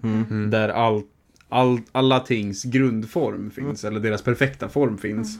Plötsligt blir det på något sätt relevant i just den där att få maskiner att förstå mänskliga koncept måste vi tillbaks till grunden av de koncepten. Så till exempel, bara känna igen en människa kan vara svårt om vi ska ta alla människor. Ja men Då kan man ju börja med så här, ja men fyra lemmar, ett huvud och en kropp. Ja men om du saknar två ben då är det en människa. Ja men då är det klart en människa men då måste ju roboten veta det också. Att till slut blir det ju så stort vad bara en människa är Ja, att ja, det blir bara förvirring. Och då plötsligt blir det då intressant igen med den här flummiga idévärlden som Platon hittade på. Liksom, om att där finns alla, alla perfekta former av allting. Och det är den man på något sätt skapar ja. för att få robotar att lära känna, eller känna igen saker. Och som pratar väldigt mycket om typ, ja, men så enkla saker som hushållsarbete, så, sånt som de flesta tycker är skittråkigt. Det är asbra om man skulle ha robotar. Men just en sån sak som att, eh, vad heter det, typ bädda en säng. Det är skitkomplicerat. För man behöver både fin motorik, man måste vara stark, man ska bära saker, man måste kunna hitta liksom, vad är ett täcke, vad är en kudde, vad är ett örngott, vad är ett lakan? Jag har svårt att liksom så här, om man bara ser ett skåp, ta ut ett lakan, för ibland är det ett påslakan, ibland är det ett örngott liksom. Och sen behöver man den här finmotoriken för att så liksom så här, så att, eh, vad heter det, sätta på lakanet Just bra. det, både, både ser, ser så att det ska se fint ut och mysigt ut på samma Mm. gång. Liksom. Och sen liksom bara ha i täcket, det är ganska bökigt, det krävs liksom så här väldigt mycket motorik. Bara det är ju skitsvårt. Och så ska få en, en robot att göra det här är askomplicerat. Så automatiseringen på den nivån kanske är en bra bit bort med andra ord. Mm. Ja, men, men ja exakt, så den sortens robotar som kan göra den sortens jobb är nog en bra bit bort. Sam, Men samtidigt så tror jag ändå att AI, är någonting vi rör oss mot väldigt snabbt och jag är väldigt intresserad av det. Alltså, ah, jag ser spännande på framtiden där jag tror inte på att det kommer komma en framtid där jag inte måste jobba i mina dagar. Nej. Men däremot så Det tror kommer jag... inte vi hinna se. Nej. Det kommer ens. Nej, för problemet med allt det här, det är ju liksom, om man ska vara tråkig, det är ju resurserna och Alltså både naturresurserna som krävs att bygga alla jävla robotar. Vi har ju inte mycket metall som helst liksom. Och eftersom att vi bränner jättemycket metall också och inte återvinner allting så blir det ju mindre och mindre. Mm. Eh, och sen också pengamässigt resurserna för att få fram den forskningen när det finns otroligt mycket andra delar av samhället och sektorer i samhället som behöver pengar. Så där det finns alltså konstant ekonomisk brist. Så att det är på något sätt, ska man tänka in alla de aspekterna, då blir det ganska långt in i framtiden. Vi pratar om en Mm. automatiserad samhälle. Som dessutom kanske inte ens är globalt. Ja, men typ så om man tar sjuksköterskor som exempel. Det är alltid så här en sjuksköterskebrist hela tiden. Ja. Och då är det ju värdare att lägga pengar på sjuksköterskor och ge dem lite högre löner så att de vill typ jobba som sjuksköterskor istället för att lägga de pengarna på att försöka forska fram en robotsjuksköterska om 20 Ja, eller en år. robot som kan Typ. känna igen en stol. Alltså, Ja, vad väljer vi att prioritera där i frågan? Sjuksköterskor, hoppas jag. Ja, ja. Tyvärr gör vi ju inte det. Det är där, det är där samhället fallerar Ja, ganska markant. Ja, men det är också intressant det här med, med utforska rymden. För det är ju så här, typ, objektivt intressant att förstå mer om världen runt omkring oss. Men vad fan har vi för användning av det? Nej, det är bara ren nyfikenhet. Nej, och det är alltså, ju men- nyfikenhet som tar oss framåt no matter what. Alltså om vi inte hade blivit uttråkade eller någonting, då hade vi aldrig varit här. Nej. Det är därför vi är på väg mot liksom Palermo sen artificial det här. intelligence. ja, allt det där. För hade vi inte varit nyfikna av varelser, då hade vi inte brytt Jo precis, och det, och det är förklaringen till varför vi gör det, men vad är poängen Men med jag- det? alltså vad jag- vill vi uppnå? För det, du har ju liksom all sci-fi, det så ja, det finns andra världar och vi kan bygga Mm. kolonier och träffa andra folk som också pratar engelska. men vad är det värt det med de pengarna och de resurserna som krävs Det för finns det? ju saker som man typ så här, som är värt det, som du pratar om, naturresurser. Alltså olja finns ju, och kanske inte. Det är beroende på om Nej, det finns det liv måste- i rymden. Ja precis, det, det bygger på att det finns en vegetab alltså vegetabilisk, Ja, eller liksom, ja, men någonstans. Men det kanske det finns. som här. Ja, men äh, för andra liksom så här, me- metaller, alltså det finns ju planeter som är typ gjorda av diamant. Det finns ett helt moln, ja, det här är skitkul, det finns ett helt moln Be prepared. som är gjort av 100% alkohol. Och jag tror att de räknar ut att den, skulle, den är så stor så att den skulle kunna göra så att varenda människa i hela världen blev full i 10 miljarder år. Come to me. ja. Så det är Where can I find this cloud? Kan inte komma över hit Left of ett the. Horsehead ne- Nebula, typ. Ja, nej, någonstans fan. där.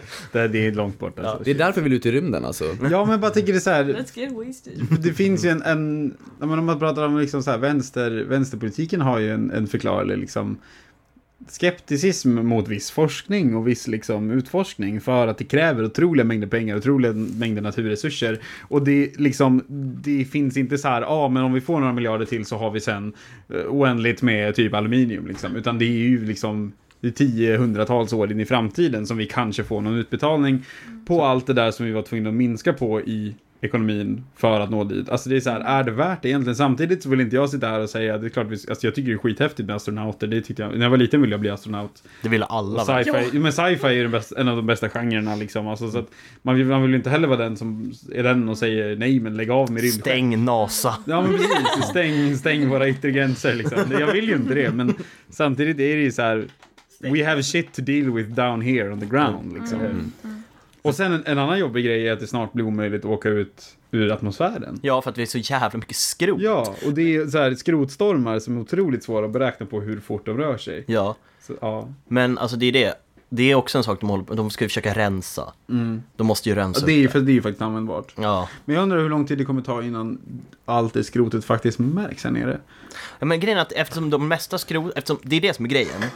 Att liksom bara en liten mutter Ja. kan ju liksom krossa typ ett helt rymdskepp. Ja, så det blir så att det åker ju runt och det krockar ju med varandra. Så det är ganska små bitar, majoriteten av det. Blir så det att det, splitter? Ja, det är massa splitter liksom av typ så här gamla satelliter och skit. Så att det kommer ju... Går det ens att rensa upp? Alltså, jag Ja, det går, inte. det går Hur ju gör typ, det? I don't Du know. måste komma upp i samma hastighet som den för att Ja. Mm. man kunna bromsa ner den. Alltså det är det som är det sjuka. Så att är det för hög hastighet då är det faktiskt omöjligt. Ja. För om du i rymden ska kunna fånga upp någonting så måste du ju, eftersom att det inte finns någon som bromsar, så måste Nej. du upp i samma hastighet. Och då är, då är det som att ni båda, alltså är du i samma hastighet som någonting i rymden, då står du still. Ja, precis. Ja. I jämförelse med den. Mm. Och då kan du fånga upp det. Men är det så små prylar i tillräckligt hög hastighet så blir det ju så här nära inpå Ganska omöjligt liksom. Men det är ju det, och, men det brinner ju upp i atmosfären för att det är så litet. Mm, Det är ju skönt. Så kan man inte bara, om det är så liten, små grejer, kan man inte liksom så här, för det... Stor magnet, dra ner allting. det Nej men, jag, ja, typ, eller bara putta det eftersom det går ju inte att liksom så stoppa det. Men liksom bara man kommer åt det så byter det riktning. kan man inte bara ha någonting som bara puttar ner allt i atmosfären så allting bara brinner upp? Ja. Bara ha, jag, jag tänker att man har en, en typ så här, en stor, jag vet inte, okrossbar metallbit som man sätter lite snett så allting bara studsar rakt ner och Kommer brinner upp. snarare åka rakt igenom. Men den måste färdas i samma hastighet för att det ska funka. Just det. Men om vi kan få de materialen att- komma tillbaks in i jordens atmosfär så kommer det brinna upp. För då finns det, en, då finns det friktion igen. Men jag tvivlar på att det, man kan skicka upp någon sorts gummi, gummiboll eller någonting som kan bara studsa ner. Det kommer inte riktigt fungera på det sättet. Vadå? Min gummibollsplan är solid. Jag ser fram emot solpaneler i rymden. Ah, Ja. hur, vi ska, hur vi ska överföra den energin vet jag inte. Om man ska ladda batterier och sen skicka ner dem till jorden eller om man Där ska... tappar du ju rätt mycket energi också bara i det. Ja. Vi får en jättelång förlängningssladd som bara hänger ner rakt genom atmosfären. Ja. Världens största hade varit- skarvsladd. Om ni tror att det kommer vara omöjligt att ta sig ut i rymden, så här, de kommer ta hundratals år tills, tills vi gör det, eller 20, 30, 40 Nej men år. alltså det går ju att ta sig ut i rymden men det går inte att komma så långt.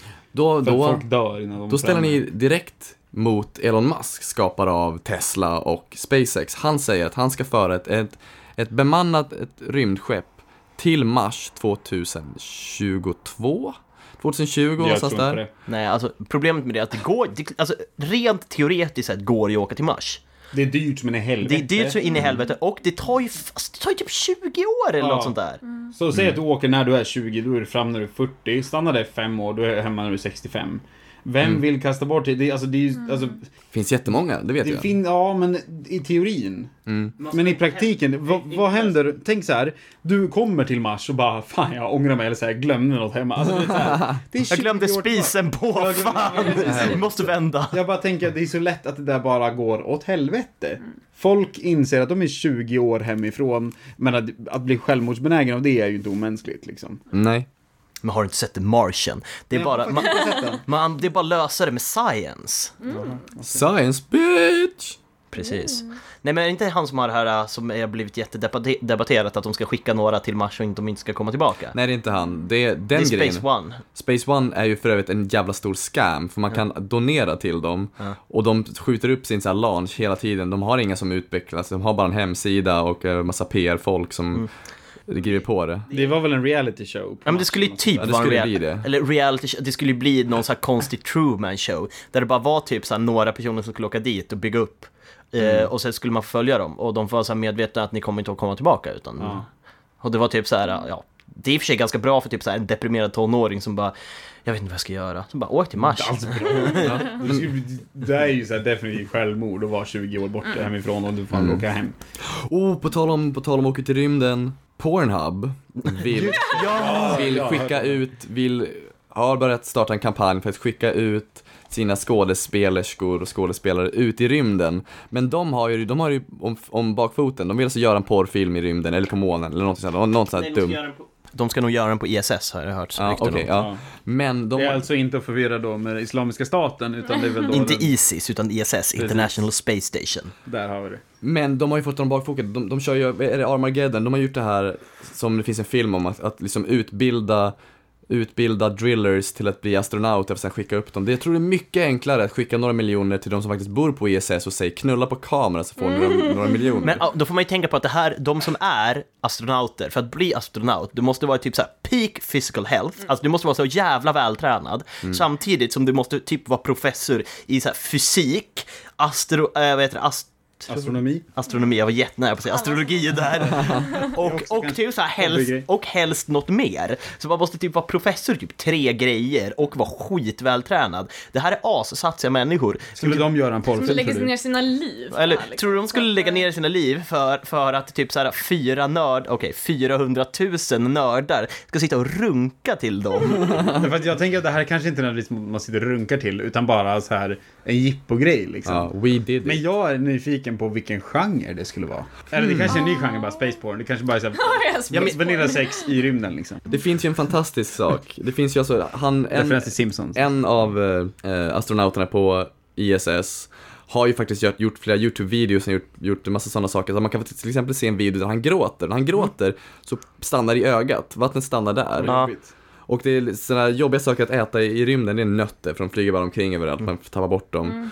Det är flippat, det här är slöseri med pengar. Ja, så här, forskningen har någon poäng, det här är liksom så här, hallå, sjuksköterskornas löner då liksom. Men ni vet ju om att Nej, nej, vi ska göra porr i rymden. Ni vet om att porr driver industri och utveckling inom teknologi jättemycket. Men det var ju, det var ju porr som valde VHS bö- före Betamax.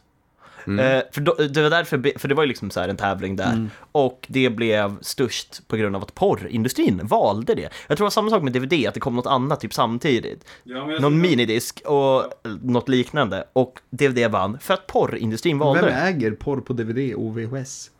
De som inte vet vad internet är nu för tiden i alla fall. Ja, det var, jag såg en annan fin sån graf över, över telefoner som bara blev mindre och mindre och mindre fram tills något år då man insåg att man kan kolla på porr på telefonen och sen dess har de bara blivit större och större. Ja, här kommer sådana antiporrmänniskan. det är så ja. fruktansvärd industri det där så att jag Ja. bara vill spy när jag tänker på det. det.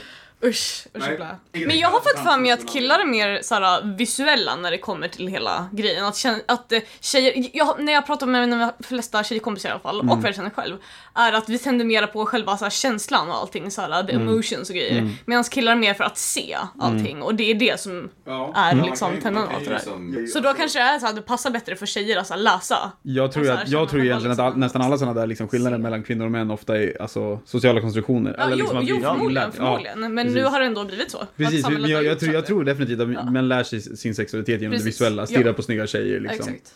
Det här är asbra med att ha en inkvoterad tjej, märkte jag nu. Precis. Ja. Vi får ett kvinnligt perspektiv i våran porrdebatt.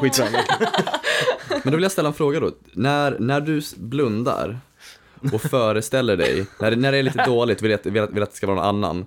Föreställer du dig känslan av någon annan då, eller vet, synen av någon annan? Tänker du på... Känslan. Känslan jag, jag kan ju inte, jag kan, det går inte att föreställa mig att jag ser honom när det inte är honom liksom. Ja. Så då är det så här, ja men då får jag liksom, då fokuserar jag på känslan. För det tror jag ändå... Eller så slutar man ha sex för att man vill inte ha sex med den personen. Ja. Ja, ja, ja, det är sant. Det, det, det, det, det, PSA, det är det smarta valet, helt ärligt. Men ibland har man ju sex fast man inte, alltså inte, nu, Alltså efter tragiskt nog tror jag att de flesta har varit där. Ja, men det är så Alltså, här, Ja, ja. man har ju legat, är som, som, liksom- som vi skämtsamt kallar det i mitt förhållande, förhållande att man låg för husfridens skull. Ja, men, jo, men alltså, och makeup sex måste jag bara säga, jag insett att det är ju det bästa som finns. Det Ja. är det bästa, det är det bästa. Ja men liksom, men typ så här, jag hade ju sex flera gånger när jag typ så här, jag var typ inte på humör, men det var så här, hon ville och man bara, ja men okej då, det är inte, en jo- det är men inte jag gör jobb. det för din skull. Ja men det är inte liksom- jobbigt, och så här, du blir glad, Ja. det blir bra. Ja, men det är ju så här, men det är som att köpa en, pre- alltså det, att köpa, nej det är inte samma sak, men att köpa en present till någon, det kostar ju pengar.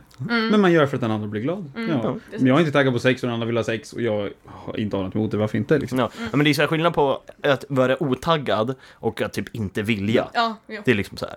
Ibland var det med att typ, jag vill somna, jag vet att det här med, så, med förspel och allting inräknat så här. Det kommer ta typ en timme med så här eftertvättningar och sanering och fan och hans moster. Så det index liksom, jag har gjort det igen. Så det kommer, det kommer ta minst en timme. Klockan är typ så här, ja men klockan är 12. Vi ska till skolan imorgon. Ja. Det blir bara bökigt, men så gör man det ändå och sen bara, ah, okej då. Man sover ju mycket bättre, Ja. eller jag gör det i alla Ja, fall. ja, men, ja, men Oftast. ibland, ibland, oftast. I- Ibland blir det ingen skillnad skulle jag säga. Ja. Men jag somnar ganska bra när jag sover bredvid någon oavsett om man har sex eller inte. Jag har, jag har olika med olika personer. Jag har, haft, jag har haft olika förhållanden och liknande Ooh, konstellationer. player. Nej, Och, och det har verkligen varit så här, vissa personer sover jag, ja, ja, lägg av. Vissa personer sover jag jättebra bredvid, liksom. Även om vi ligger och krockar och slår varandra i sömnen, alltså, så sover jag ändå bra. Och vissa personer säger det går inte. Måste ha olika sängar. Så det där är, ja, det är något andligt kanske. Nej jag är sån här som alltid vill sova själv. Mm. Det är liksom, jag pallar inte med att ha någon där intill. Jag blir bara såhär, ah, fuck you. Jag, vill, jag behöver min ensamhet här, Ja. okej mitt space. Plus att jag slåss när jag sover också. Ja, det är skönt för den andra, din partner, din, din nattfjäril där att eh, inte åka på stryk. Ja, jag gjorde det en gång, kommer jag ihåg, när, när jag var med min första flickvän. Då jag, jag hade någon dröm och jag, jag drömmer ofta liksom, att jag typ pratar i, dröm, alltså pratar i sömnen och sådär. Liksom, att jag ofta drömmer väldigt ytligt. Liksom. Eh, och då var det någon grej, jag fick för mig att jag skulle liksom slänga ut med armen. Och jag vaknade liksom mitt i rörelsen och inser att min arm är på väg mot hennes ansikte. Och det var inte med knytnäven, men det var liksom med, med, under, med un- underarmen. Liksom. Och jag, så jag vaknar, jag hinner liksom inte stoppa mig själv, utan den landar ganska hårt. Alltså inte som att jag liksom slår och tar i, utan mer som att jag låter min arm falla. Liksom. Ja, ja. Och hon vaknar upp och blir så jävla arg. Hon kan liksom inte gå med på att jag gjorde det här i sömnen. Så var liksom förbannad på mig hela dagen efter det här. Ja. Förståeligt på något sätt, för jag slog henne i ansiktet när hon sov och hon vaknade och det gjorde fett ont. Men det var så här, vad skulle jag göra liksom? Ja, varför skulle du göra det annars? Det är sådär, ah, nu ska jag slå in i sömnen. Ja, Passa Men- på att ta men- ut aggression. Ja, precis. Men det är också den här om man, om man drömmer. Jag har varit med om det flera gånger, att jag drömmer om en person och vi har haft brå, varit bråk eller ibland lite konstiga grejer, typ, och så är man arg.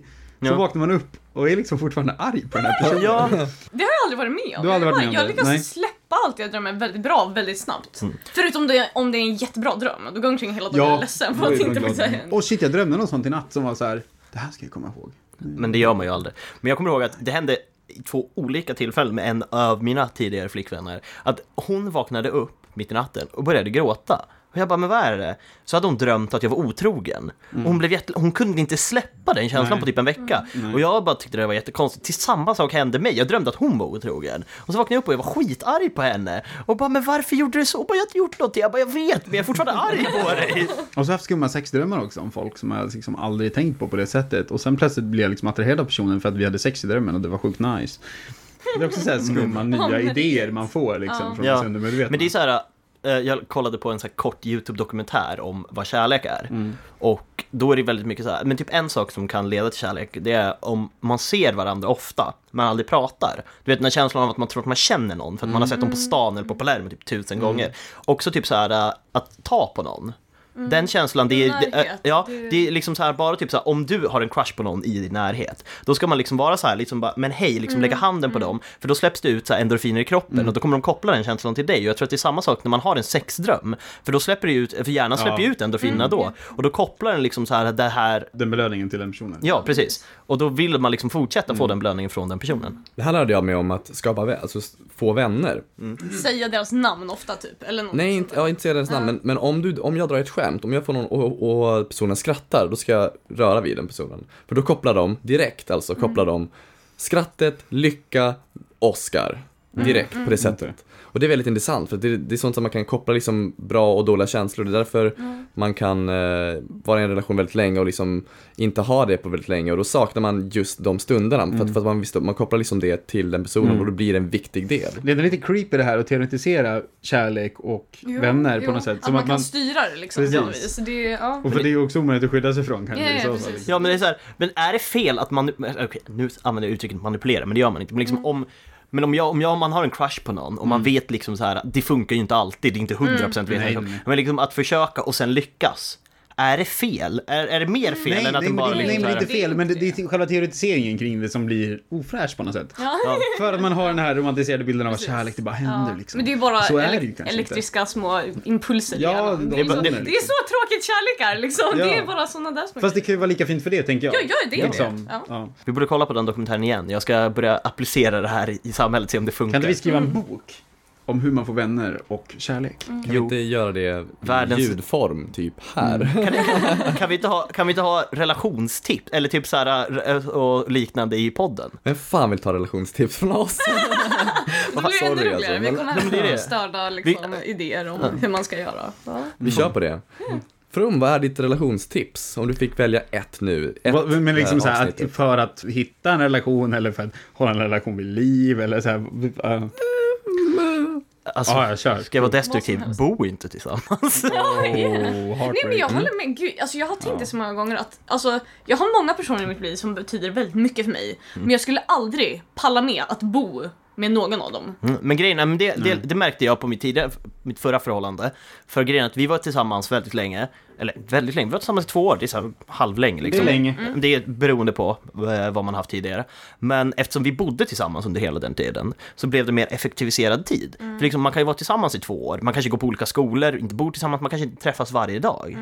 Då är det liksom så här, då kan man ju vara tillsammans en längre tid. Man hinner sakna varandra. och Ja, sådana typ sådana grejer. Och Ja. bara typ så här att man går ju på nerverna på varandra mycket lättare. Så, att- eller ja, det är klart man ska bo tillsammans om det känns bra. Men grejen är att jag tror vi bodde tillsammans liksom för tidigt.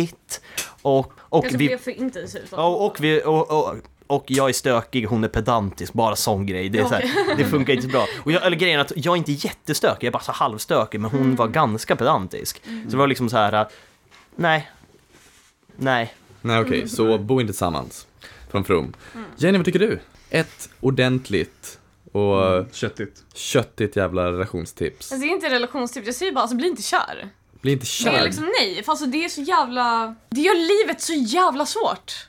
Och jag menar, det, man mår ju, mår ju mycket skit av det. Även om man är så lycklig med den personen ett tag så kommer det sluta at a point. Och då kommer man må skit en lång tid efter det också. Så det är bara massa skit kring det här gulligull-mysiga Ja men liksom. som att quota Butters då från South Park. I, I'm happy it hurts so much because I, I knew that it mattered. Det tycker jag är väldigt Det är viktigt. fint. Det är Ja. fint. Det är fint och jag förstår det. Och det är liksom, ja, det går ju inte att bara att nej men nu ska inte jag känna någonting. Eh, så det är ju kört. Men eh, Nej, alltså, jag det- önskar ja. verkligen ibland att man bara kunde säga nej men nu kommer det aldrig hända igen. Så, tada. Ja. Ja, det är klart. Men det, men det kan jag hålla med om. Liksom, att man, jag har också önskat det några gånger. Liksom, men, men jag vet inte, det, ibland så känns det som att that's what keeps me going. Alltså på något sätt. Mm. Att jag har någon eller längtar efter att ha någon. Det är, liksom, det är som en drivkraft. Liksom. Det var någon som så här försökte ta reda på vad lycka är. Och lycka, det är så- också en sjukt svårdefinierad grej. Och det var någon... Endorfiner. Och, vad sa du? Endorfiner. Ja, men det var någon som bara, men lycka, alltså det, att vara, det är skillnad på, när man släpper ut endorfin, då är man lycklig. Då. Men liksom vad är lycka, alltså lycka som en period? Det finns typ inte egentligen. Och, men därför så här, för att vara lycklig inom situationstecken, då ska man ha tre saker i sitt liv. Någonting att göra som man tycker om. Liksom så här, det behöver inte vara att du tycker om ditt jobb, utan det kanske är ett- en hobby du tycker om. Någon att älska. Det kan vara en vän, det kan vara en hund, det kan vara en partner. Men liksom någon att älska. Och något att se fram emot. För att liksom så att man inte fastnar. Och liksom så här, om man har vänner och kanske inte en partner, men liksom bara den här känslan av att se fram emot ett förhållande. Som du sa, att det keeps you going. Alltså, men det kan ju liksom vara en sån här, bara, och man har någonting att göra, typ kämpa för att hitta någon. Liksom, Det kan man ju hålla på med hur länge som helst. Det är liksom världens, världens mest pågående hobby, liksom, Ja, att vara singel. Liksom. Att vara singel och letande, man kan ju vara singel och inte Jag, letande jag också. tänker liksom. på ett citat från filmen Flight of the Phoenix, jag den heter. Som handlar om ett flyg som ska gå mell- från eh, någon stad i Mongoliet till kanske USA, för det är bara amerikaner med i filmen som vanligt. Eh, och de kraschar ut i Gobiöknen med det här planet. De har inget sätt att kontakta liksom, omvärlden. Men Hade en- de glömt sina iPhones hemma? de glömt sin iPhone sen. Vadå? God Det finns ingen täckning på iPhones i Gobiöknen, kom igen. Eh, och Gobiöknen, det finns tydligen en massa magnetiska berg, så det är omöjligt att och, och liksom, eh, färdas med kompass och sådär. Eh, men, men då har de en på planet som råkar vara en designer av experimentella flygplan och därför kan sånt här. Och till slut så bestämmer de sig för att försöka bygga ett nytt flygplan av det gamla flygplanet. herrejävlar. Och då är det en som säger, då typ roughly översatt till svenska, om du inte har något att tro på, då måste du ha något att hoppas på. Mm. Och har du inget att hoppas på, då ska du fan med ha något att göra. Mm. Liksom. Mm. Det, det är ändå så grundläggande. Liksom. Ja. Har du sant. inget annat, Ja. gör något. Mm, Sysselsätt dig, bara Ja. men skit, men gör Precis. något. Liksom. Ja, och det här kan ju också vara så här bra sätt att typ så ta sig ur en dålig period. Liksom. För att om man, är i, en- om man är i en dålig period och man mår skit, då, då man längtar inte till någonting, man vill bara Nej. ligga i sängen. Man gör ingenting. Nej, man och det är ofta det som är problemet. Och, liksom. och, Ja, man känner typ så här, man kanske inte älskar någon, man kanske känner så här bara, ja mina vänner hatar mig, jag vill inte, eller så här, jag vill inte umgås med mina vänner. kanske inte och har typ- så mycket vänner, Eller man kanske inte har så mycket vänner liksom så här. Och det är liksom så här, bara att försöka lösa det, så man, man, mår, man mår lite bättre liksom. Det gör man, det gör man. Det är en annan grej som man, man kan göra om man mår dåligt. Det, det första är väl att man ska söka hjälp om man mår tillräckligt dåligt. Men, men det finns... Ta tabletter. Jag har ett, jag har ett Både, bra... både, både på recept och utan. Fråga, fråga, Det kok, fråga Nej, men- koks hon har, hon har det, finns en Ritalin. väldigt, det finns en väldigt enkel metod att, att jobba med både liksom, eh, trauma på egen hand men också bara med ångest. Och det är faktiskt att gå ut och gå. Okej. Och det är inte bara för att få frisk luft eller få motion utan när du går så sysselsätter du båda, båda hjärnhalvorna väldigt, väldigt regelbundet. Ena sidan, andra sidan, ena foten, andra foten, Ja. höger, vänster, höger, vänster. Och det bildas då en så kallad bilateral stimulering.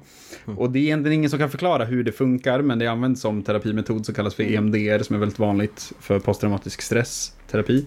Eh, och det du gör då, att när båda hjärnhalvorna stimuleras på, då, på det sättet så kan du både komma åt minnen och känslor som du kan ha lagt undan i ett trauma till exempel. Mm. Men du kan också gå, ta dig ur eh, en, en ångestanfall genom att gå ut och gå. Och det funkar ännu bättre om du har någon att prata med eller om liksom, någon du kan gråta med. Liksom så. Men att gå ut och gå, inte bara för att komma ut, Ja. utan även för att röra på sig på det sättet, stillsamt. Mm. Väldigt bra tips. Men det kommer jag ihåg eh, när jag gick en kort period hos en psykoterapeut. För då fick jag göra en sak så här med ögonen. Mm. För då liksom eh, att jag fick följa som typ i film när man blir hypnotiserad.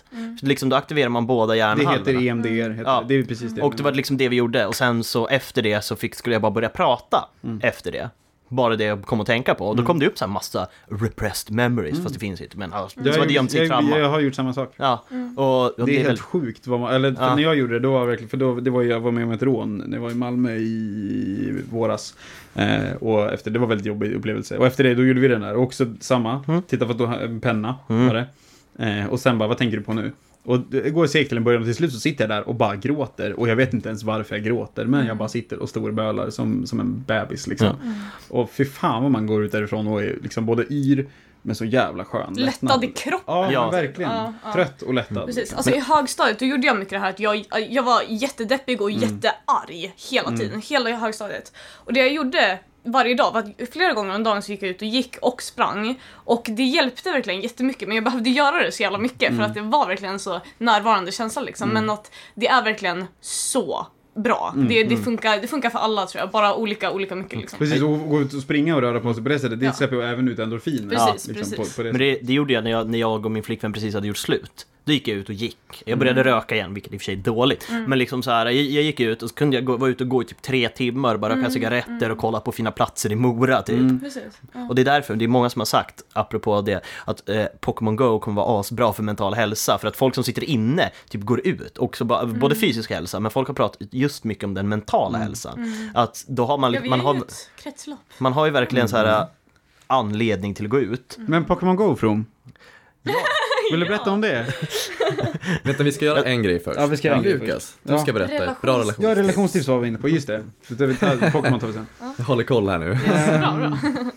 Ett bra enkelt, för jag, jag har ju att jag kan dra ifall att du inte kommer på någonting direkt. Mm. Jag tycker att ett väldigt bra relationstips är att hålla sin partner mätt. Väldigt Det ofta. är För att, viktigt. för att, Det jag vet inte hur många viktigt. bråk som kommer ut av att någon i relationen är hungrig. Ja, Mm. Och det är man bråkar, man, man, så här, bråkar du med mig för att du är arg eller för att du sitter där och är, har gnäll i magen? Fan, roadtrips är svåra, måste jag säga, för man måste komma på när man åker att man måste äta, för annars sitter man i ett väldigt litet utrymme där man kan skälla på varandra hela tiden. Men det är som eh, ett relationstips som jag har hört, eller som mitt ex fick av en gammal tant. Så om du hittar en kar, bjud hem honom på mat. Och så ger du honom så mycket mat, typ helst kroppkakor och, tving- och få honom att äta så mycket som möjligt. Ja, för det kan man äta väldigt mycket av och sen liksom sväller i magen. Så att han inte kan ta sig hem. Och sen har du honom. Then you got him. Jag gillar det. Men gillar det Jag, också. jag, jag har ett relationstips. Mm. Var inte för ärlig med din partner. Okej. Mm. Och i det här menar inte jag att du ska ljuga. Man ska aldrig ljuga rakt upp och ner. Det är en dum idé. Därför att, och det är inte bara så här, det är ingen moralisk bullshit, utan det är bara så här att om en person lär sig att det du säger är lika mycket sant som falskt, då byggs inte upp någon tillit eller trygghet och det är kört liksom. Det var det som typ hände med mig och Agnes på slutet. Så det är sant. I vilket fall.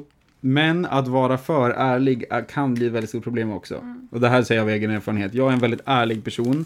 Och det är både kombinerat med att jag, med att jag har en idé om att ärlighet är bra, med att jag har ganska dålig impulskontroll. Så att jag lätt säger exakt vad jag tänker och tänker utan att tänka efter. Gör inte det. Så om du får en fråga som du vet att det här svaret vill inte du höra. Säg det då. Du vill, inte, du vill inte att jag svarar på den här frågan. Det är ett alternativ man kan göra. Det här är inget bra att vi pratar om det. För Och det så här... blir bara personen arg. Då blir de så här jätte, liksom, frustrerad. Det Men- går typ aldrig att säga Nej, Jag har det testat här det för? många gånger. Ja. Det funkar inte. Och om det inte går, om man, man är med en person som man vet inte kan ta det, svara inte fullt ut. Gör Nej, inte nej. det.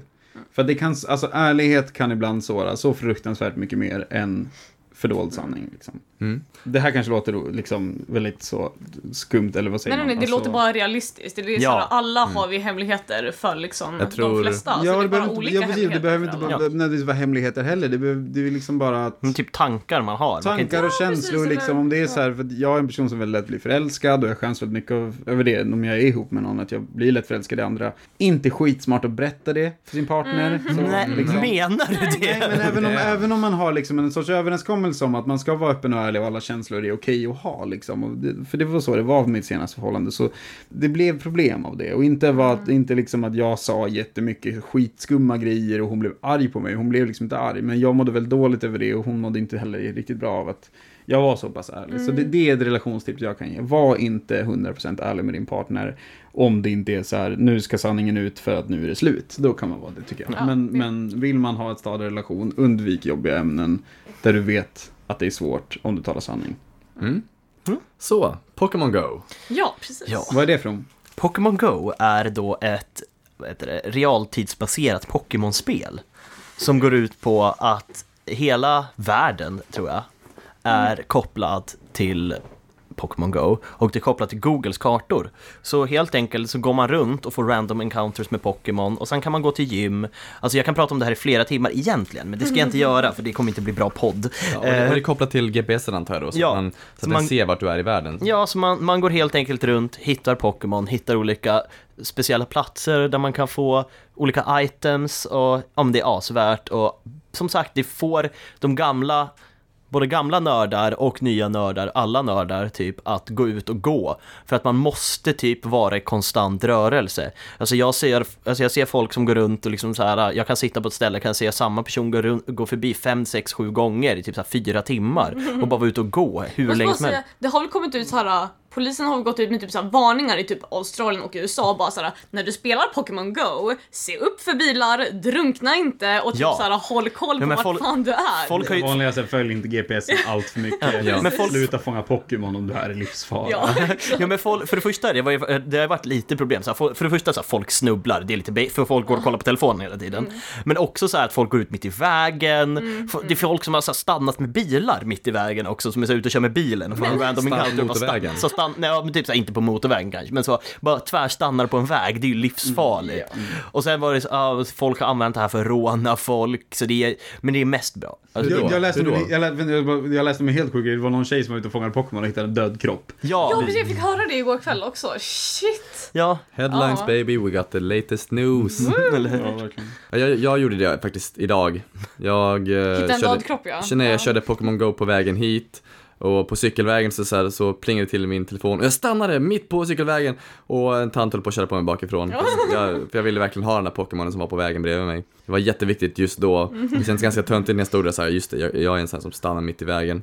Ja, Fan. jag har redan kommit över den där töntigheten. Jag bara så här stannar upp, jag, jag cyklar i typ nedförsbacke och sen så här tvärnitar i nedförsbacke, bara jävlar, det var en Pokémon! Så jag hoppar av cykeln och typ så här, ja, Vi har ju ett jävligt fint fylleminne från, från Pokémon Go, från det är ganska nyligen, det var i förrgår, det är sånt. ja, Där, eh, jag ville lägga fram min longboard för att jag ville ha, några, ha en av de här Pokémon. För det är som poängen också att eh, de har ju animerat dem på ett sätt som gör att, om, att de syns genom din kamera så, det, så att det faktiskt ser ut som att de är i, i den riktiga världen, ish. Så att du får kolla runt med din kamera för att leta rätt på dem och sen så är de där på marken och hoppar runt eller flyger en liten bit upp i luften.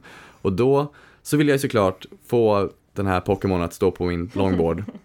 Så jag backade in och helt, helt omedveten om mina, min, eh, mina surroundings så backade jag in i Froms cykel. ramlar rakt bakåt. Jaha, ja, ja just det, för det där, det här är ju, det här är fortfarande verklighet. Jag måste fortfarande komma ihåg att jag inte är ett dataspel och ett grejer. Allt som var bakom mig är fortfarande bakom mig. Pokémon finns fortfarande inte tyvärr. Uh, your dreams Alltså are det var min största dröm när jag var liten. På allvar. Att Att Pokémon- Pokémon skulle finnas. Inte för att jag var så här, ville bli Pokémon-tränare, utan bara att Pokémon skulle finnas på riktigt. Att vara så jävla barn men, ja, men, det, det, Men verkligen. Inte de här stora coola så här, Charizard, stora drakarna liksom, utan de här, så här små så här, Oddish, de här liksom, Ja. små växterna. små Ja, de, så de, de bara kunde få springa omkring. Alltså. Men problemet med Pokémon-världen som jag har diskuterat, så grejen är att för i Pokémon-världen finns det ju inga djur.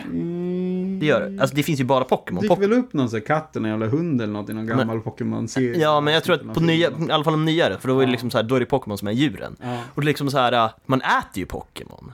Det gör man. Det måste man ju, hur äter de kött? Men fast man, ja, fast Jag har Ja, just det, Magikarp är det någon gång de ska käka. ja, och jag har för mig att de äter Pokémon och så finns det så här tjuvjägare. Alltså typ så här att få så här, ja men typ så horn från Pokémon. Alltså, det, det, det måste ju vara jättehemsk industri. Ja. Och sen är det inte någonting där, är det inte typ i spelet att de har kopplat massa Voltorb till typ så här en elstation och tvingar dem att typ så här släppa ut el för att driva en stad och så här. Men jag menar, hur lider de av det liksom? Ja, men de- är det inte det att de skadar dem för att de ska jag, ge, jag har ingen aning. I don't know. Ja, men det skulle nog vara ganska men, men hemskt. tänk om det fanns djur som man kunde använda som så här, oändlig elektricitet. Skulle vara så ofta? Ehm, elektriska ålar finns. Nej, ja, fast inte. man kan inte koppla upp, man kan inte så här koppla sin iPhone till en elektrisk ål. och Nej, nej, nej, men man, Det man kan funkar det bättre med potatis. Man, jag vet ju om att man kan koppla, eh, ha elektriska ålar i en tank och sen släpper de ut en viss sorts ström som man kan till viss del ta ut ur vattnet.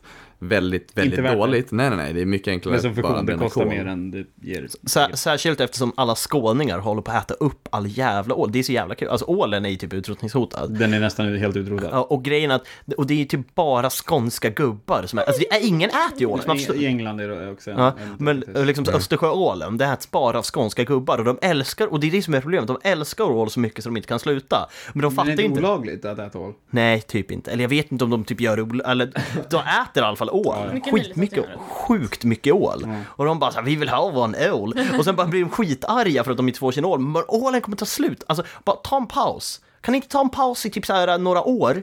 Och sen kommer ni få ål. Så bara, nej, vi ska ha vår jävla ål nu. Alltså, Men ät en annan fisk, för fan.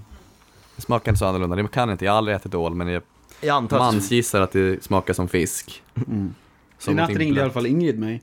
Jaha, ringde hon i Vår- natt? ja. Fan. Det är vår, vår, vår enda lyssnare och hon tycker inte riktigt om oss. Nej. Nej, hon ringde och sa så här, nu, nu, fan sluta med det. Jag hörde det på telefon så jag svarar inte när hon ringer liksom. Man vet ju vad hon har för nummer. Så han sa, fan får ni lägga av med den här jävla skiten, han köper en ål i rumpan på dig. Så. Ja.